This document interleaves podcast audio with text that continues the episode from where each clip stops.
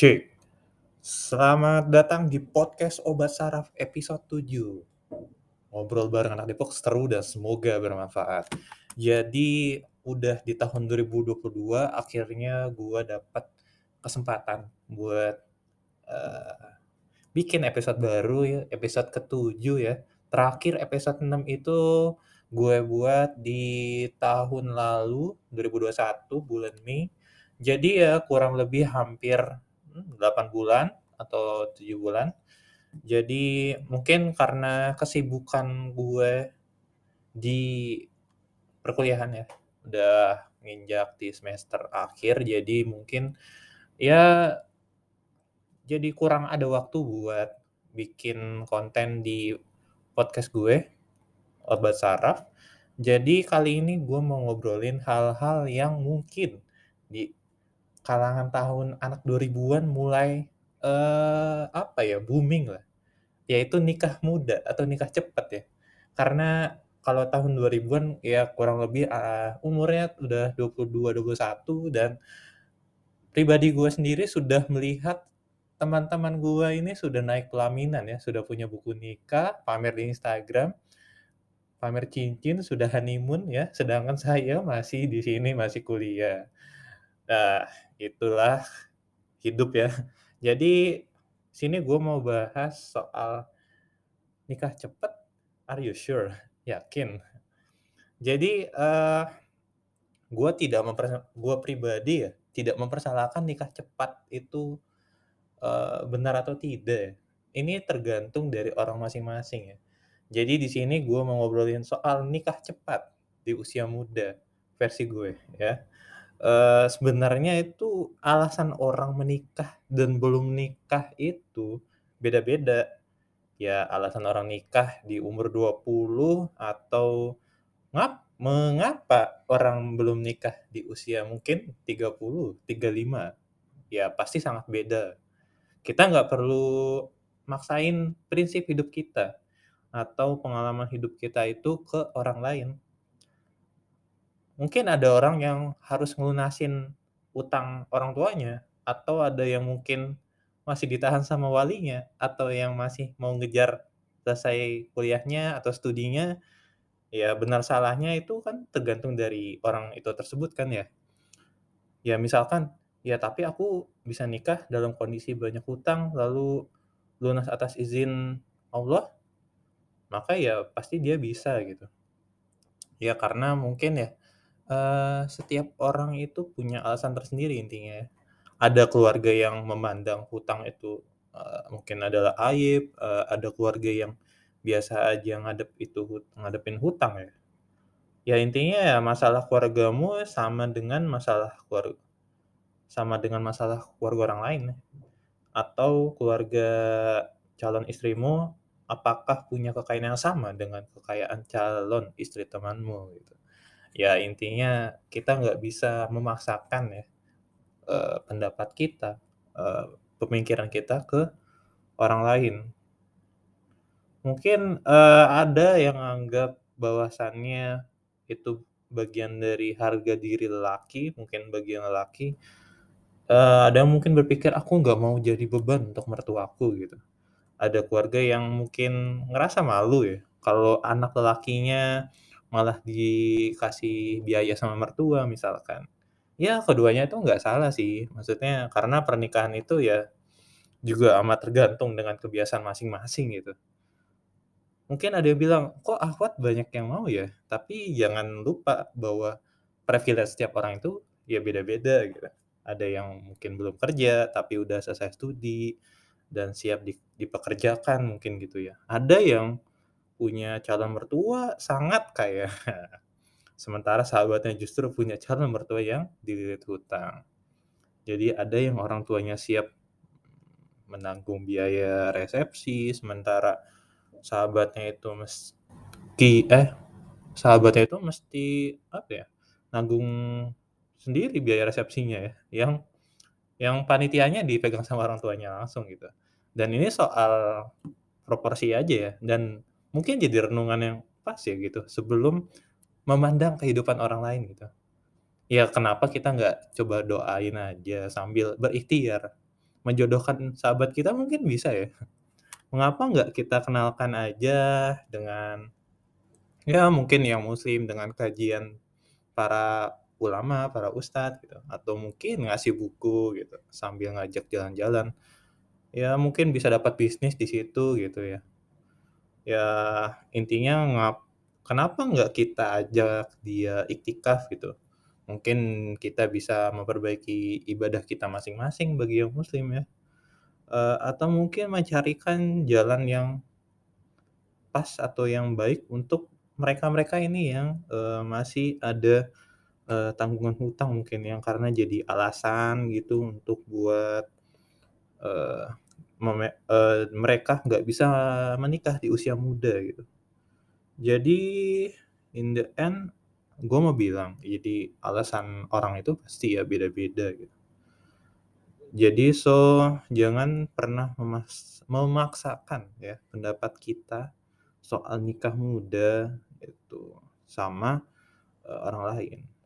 Nah ini mungkin yang jadi, eee, ya mungkin ego-egoan atau mungkin semacam pride gitu ya, I don't know gitu. Karena gue sendiri udah jarang, eee, ketemu sama temen gue ya yang di di luar kampus jadi eee, jadi mungkin gue kurang ini ya, kurang apa, dapat informasi soal itu. Tapi so yang gue lihat dari sekedar, eee, sosmed, ya mungkin seperti itu ya.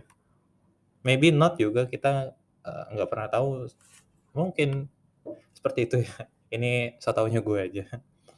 Tapi jujur ya, yang lebih sulit daripada menikah itu, ya mempertahankan pernikahan itu sendiri. Mungkin ini yang menjadi hal yang jadi yang menakutkan bagi yang, eee, kenapa belum memutuskan untuk menikah muda gitu ya.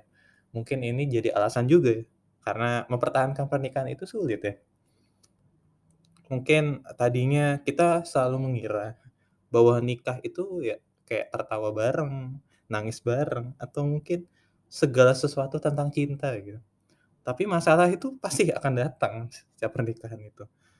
Kata-kata itu nggak mungkin, eee, nggak ada yang terucap kalau nggak menye eee, apa ya, di suatu rumah tangga itu mungkin tidak ada kata-kata yang keluar yang tidak menyakiti perasaannya masing-masing gitu. Mungkin ada some sometime ya, kita sebagai suami atau nanti atau suatu eee, sebagai istri yang kita nggak sengaja atau tanpa sengaja menyakiti pasangan kita gitu dengan kata-kata kita gitu. Ya, rumah itu mungkin jadi sejenis neraka yang bernama keluarga gitu bagi, eee, pasangan ini, pasangan muda gitu. Tapi karena ada namanya kesabaran dan ketahanan, ya itu adalah bagian dari cinta itu sendiri gitu. Siapa yang nggak juga kalau misalkan kita mau menciptakan suatu, ya, kedamaian dalam keluarga kita sendiri nanti. Karena kalau semua wajah, semua raut muka kayak cemberut gitu atau semua mulut terus, eee, mengumpat ya bahasa kerennya ya, dan rumah itu akan berubah jadi panggung sandiwara nanti ya. Jadi setiap pasangan itu punya peran masing-masing sebagai suami dan istri gitu. Mereka nggak cuma aktor, sedangkan aslinya mereka tuh nggak lagi saling mencintai gitu. Maka, eee, ketika sudah memutuskan menikah, kemampuan menahan marah itu jadi penting. Karena menyembunyikan, eee, apa ya, namanya sindiran ataupun menambatkan doa. Nah ini yang penting ya. Menambatkan doa itu penting ya. Jadi kalau rumah tangga itu cuma soal tubuh semata, cuma soal kemaluan dan sekedar ciuman, maka pernikahan itu akan hancur tak lama setelah yang namanya akad nikah itu, ya. Karena yang namanya nafsu manusia itu nggak ada habis-habisnya, mencari tubuh yang lebih indah, terus lebih indah dari tubuh pasangannya. Jadi kalau misalkan kita nanti memutuskan menikah karena nafsu semata, hanya akan mendatangkan namanya tuh kebinasaan gitu. Jadi, ya meskipun menikah adalah bagian dari cara melun eee, namanya apa ya, cara melunaskan hak nafsu gitu. Tetaplah uh, kamu itu berlindung pada Allah dari sifat-sifat buruk yang mungkin nanti kita, uh, eh, akan muncul dari pasanganmu gitu. Ketika sudah menikah kan biasanya kita akan tahu uh, sifat-sifat buruk dari pasangan kita masing-masing. Jadi ketika nanti mungkin dari pendengar sudah memutuskan untuk menikah, itulah doa pertama yang harus kalian ucapkan. Uh, jadi mohonlah untuk uh, memiliki sifat watak yang baik dan uh, berlindung dari segala sifat yang buruk yang telah diberikan kepada masing-masing pasangan ya.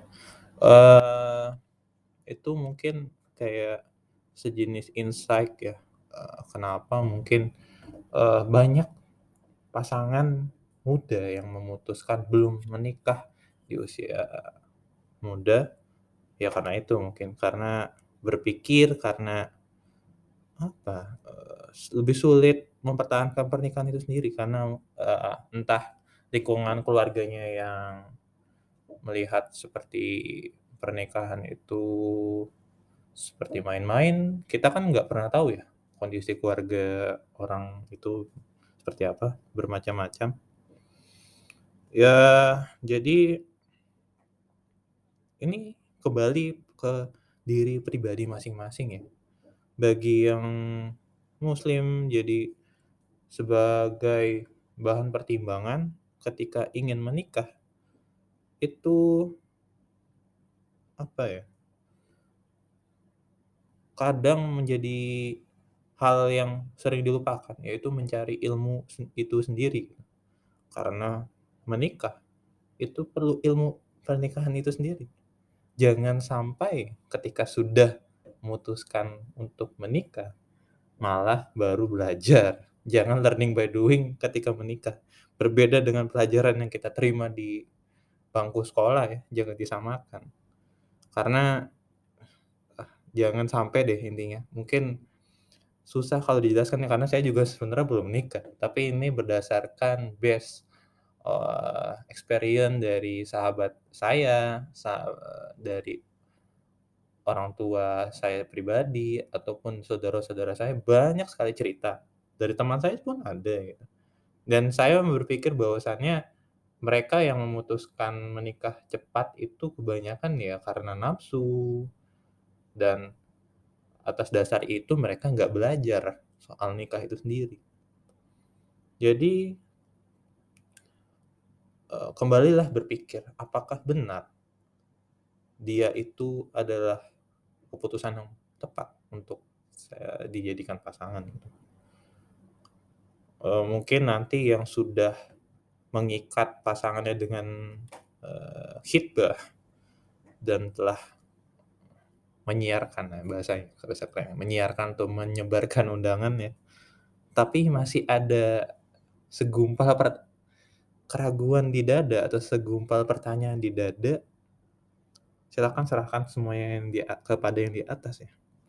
Sambil ya terus berusaha gitu agar segalanya baik-baik saja gitu. Sudahkah uh, kamu apa ya bahasanya, membiarkan omongan manusia itu atau omongan orang itu ngalir di pikiran kamu gitu ya intinya ketika sudah memutuskan pasangan kita ya silakan berdoa kepada yang di atas ya. Karena jangan sampai ketika sudah memutuskan uh, sudah ingin jalan ke akad suci sudah nunggu hitungan jam hitungan menit malah masih ada pertanyaan yang masih mengganjal gitu. Silakan di apa ya bahasanya, di pelong ya, bahasa Depok ya.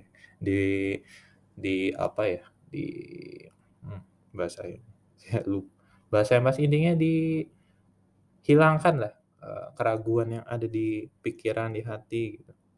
Karena segala sesuatunya sudah sampai di titik itu, seharusnya sudah tidak ada yang namanya keraguan. Jangan sampai penyesalan itu datang ketika sudah naik pelaminan gitu. Cukuplah keraguan sebelum uh, yang namanya akad gitu para pendengar. Mau ya pikirkan kembali lah kenapa kamu kamu pilih dia, kenapa uh, kamu memutuskan untuk um, dia sebagai teman hidup. Apakah kamu sudah mampu merawat dia gitu? Pantaskah dirimu sudah berkeluarga gitu? Timbulkanlah pertanyaan-pertanyaan pertanyaan ini ketika kamu uh, sudah memutuskan pasanganmu gitu. Jangan sampai uh, pernikahan itu jadi sebuah permainan gitu. Mungkin uh, itu ya yang dapat gua isi di podcast episode 7 ini tentang pernikahan ya ini sedikit insight dari gua pribadi yang sambil yang lagi belajar dan akan terus belajar dan uh, banyak masukan ke gua itu dari guru gua, dari teman-teman gua yang bisa gue jadikan bahan renungan pribadi ataupun untuk kalian para pendengar podcast obat saraf ya. Jadi uh, gua berharap dari episode 1 pun gue berha selalu berharap semoga podcast ini akan selalu bermanfaat bagi para pendengarnya. Uh, mungkin begitu yang dapat saya sampaikan di episode 7 ini. Terima kasih sudah mau mendengar uh, kan obat saraf episode 7 ini. Uh, begitu saja yang dapat saya sampaikan. Terima kasih.